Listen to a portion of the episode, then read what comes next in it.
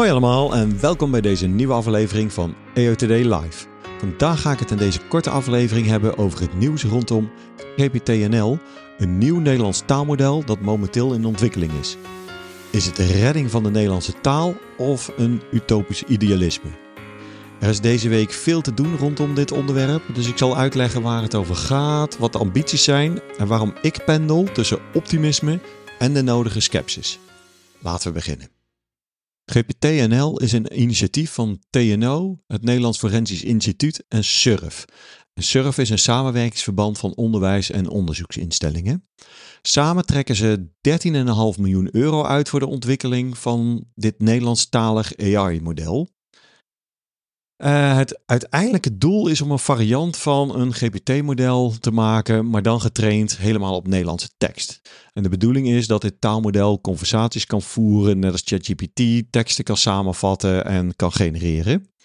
Nou, dit idee is ontstaan vanuit een verlangen naar meer digitale soevereiniteit. Moeilijk woord. Grote techbedrijven als Google, OpenAI en Meta hebben nu de macht over taalmodellen zoals ChatGPT en BART, die getraind zijn op ja, niet alleen Engelse tekst, maar natuurlijk heel veel verschillende veeltalige teksten. Door een eigen Nederlandstalig model te ontwikkelen, hoopt men meer autonomie te krijgen. Nou, de ambities die ze gesteld hebben met GPT-NL zijn nogal hoog.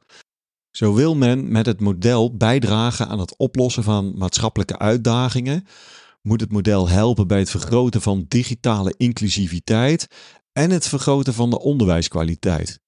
Kortom, GPT-NL moet gaan bijdragen aan een betere samenleving. Daarnaast zijn er ambities op het gebied van transparantie en ethiek. En dat ondersteun ik heel erg. Dus GPT-NL zou alleen getraind moeten worden op data waarvoor toestemming is van de maker ook wil men voorkomen dat het model vooroordelen reproduceert. Dit in tegenstelling tot grote taalmodellen die vaak op internetdata getraind zijn zonder controle op herkomst. Ja, er klinkt ook kritiek rondom uh, dit fenomeen, het GPTNL. Ten eerste is 13,5 miljoen euro niet zo heel veel geld voor het trainen van een groot taalmodel.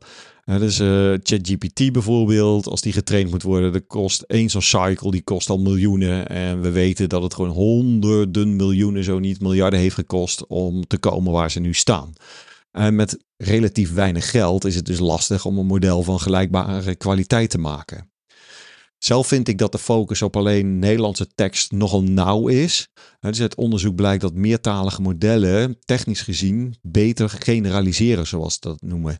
Omdat dan de onderliggende taalstructuur beter geleerd wordt. Maar wellicht door een Europees initiatief ervan te maken, kunnen ze deze hoorde wel nemen. En die Nederlandse data, daar is dan ook wel de vraag van ja, waar moet die dan vandaan komen? Is dat dan alleen uit gratis bronnen? Want door de hebberige dataverzameling van Big Tech zullen mediabedrijven en andere contentmakers nu niet staan te springen voor het afstaan van data. Laat staan gratis, toch? Dus met een budget van 13 miljoen, van zo'n rond 13 miljoen, is dat best wel een uitdaging wat mij betreft. Nou, en ook nog over de wetgeving de EU-act die er aankomt en andere beleidskaders, ja, die stellen strenge eisen aan AI-producten. En het is nog maar de vraag of en hoe dat Nederlands model hieraan zal voldoen. En zelfs met betrouwbare data kan een model nog steeds fouten maken. dus als de overheid, ze willen dit ook heel erg richten op de overheid, dit model gaat gebruiken, moet er wel kritisch gekeken worden naar de uitkomsten.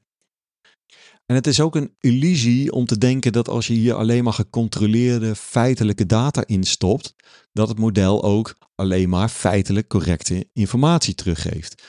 Eh, de GPT-technologie is echt een woord voor woord voor woord voorspeller en zal ook die feitelijkheden door elkaar husselen, waardoor je zinnen krijgt die er niet kloppen. Maar laten we de positieve kant niet vergeten. De ambities van het project zijn wat mij betreft bewonderenswaardig. Het draait allemaal om het beschermen van onze waarden, het aantrekken en behouden van AI-talent. En dat is natuurlijk ook heel belangrijk. Dus ik ben van mening dat dit initiatief het voordeel van de twijfel verdient, maar laten we niet naïef zijn. De uitdagingen zijn immens en de ambities zijn hoog. En dit is precies waarom onderzoek zo belangrijk is. Dus we onderzoeken omdat we antwoord willen vinden op vragen die we nog niet kunnen beantwoorden. Dus ik kijk uit naar de resultaten van TNO, SURF en het NFI aan het eind van 2024. En ik hoop vurig dat de wetenschappelijke inzichten die zij opdoen vrijgedeeld zullen worden met de wereld. Dit was mijn blik op de toekomst van een Nederlands AI-taalmodel. Ik denk een pad bezaaid met zowel kansen als uitdagingen. Wat denk jij? Laat je reacties achter of discussieer mee via LinkedIn. Dit was het weer voor vandaag. Bedankt voor het luisteren en tot de volgende keer.